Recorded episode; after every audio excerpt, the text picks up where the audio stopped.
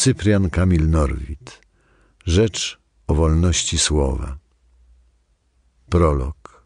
Czyta Jerzy Trela. Panie i panowie Dotąd wolność słowa jest tylko zdobywaniem wolności objawiania słowa.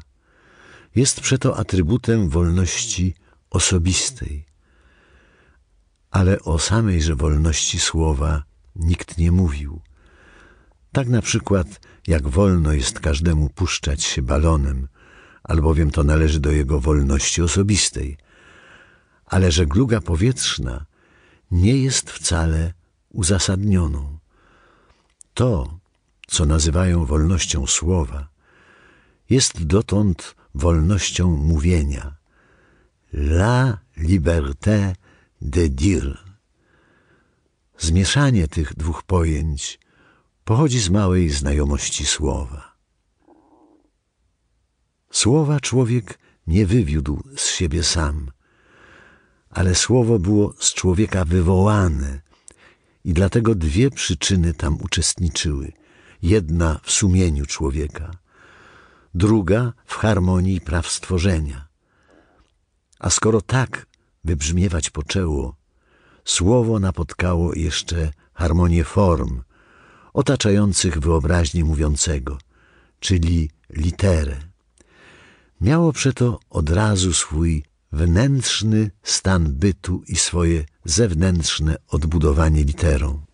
Pierwszą słowa formą zdaje się być wewnętrzna pieśń i monolog, którego ślady do dziś w pustelnictwie indyjskim spotykają się.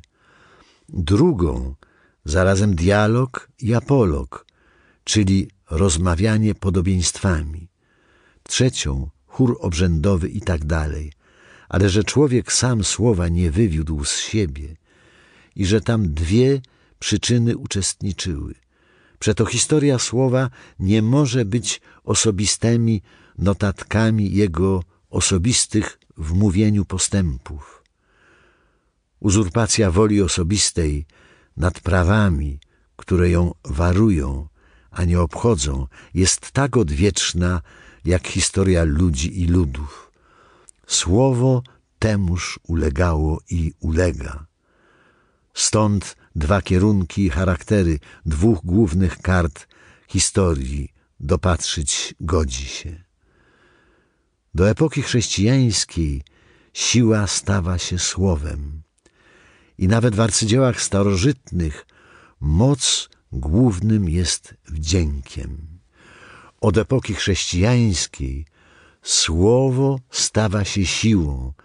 I jeżeli tamta dochodziła do arcydzieł potężnie plastycznych, wtedy ta właśnie, że przeciwnie dojść ma do pewnej bezsilności, bez personalizmu, do bezstronności, do arcydzieła prawdy. Oto początek, dzieje i cel. Prawdziwa poezja była, jest i będzie poniekąd inicjacją dlatego, że może we dwóch wierszach skreślić całą epokę, a obraz i pomnik zbliżyć jednym wyrażeniem. Starożytni te po szczególe wiersza formę zwali wierszami złotymi.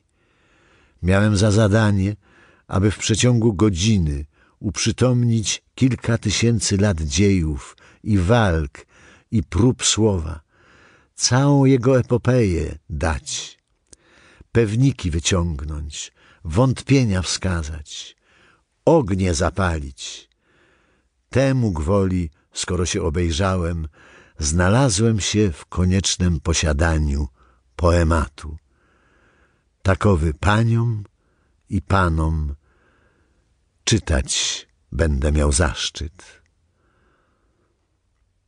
Lektury publiczne nie są żadnym nowym wynalazkiem. Starożytny cesarski Rzym je znał i sami imperatorowie rzymscy udział w nich bierali. Nie zawsze najszczęśliwszy wprawdzie. Te wszelako nie były tak zwaną prozą, były wierszem i nie tylko, że były wierszem, ale nawet w ojczyźnie prozy, bo w Rzymie, który swoich rodzimych poetów wcale nie miał, i tam były wierszem. Głos żywy ma do siebie, że nikt nigdy po dwa razy nie wypowiedział tychże samych rzeczy, tymże samym wydźwiękiem i gestem. Słowo więc, raz rzeczone, ma niepowrotność swą. Czytanie więc ma stronę monumentalną. Czytanie więc sztuką jest. Dokończyłem zadania autorskiego i obowiązek czytelnika rozpoczynam.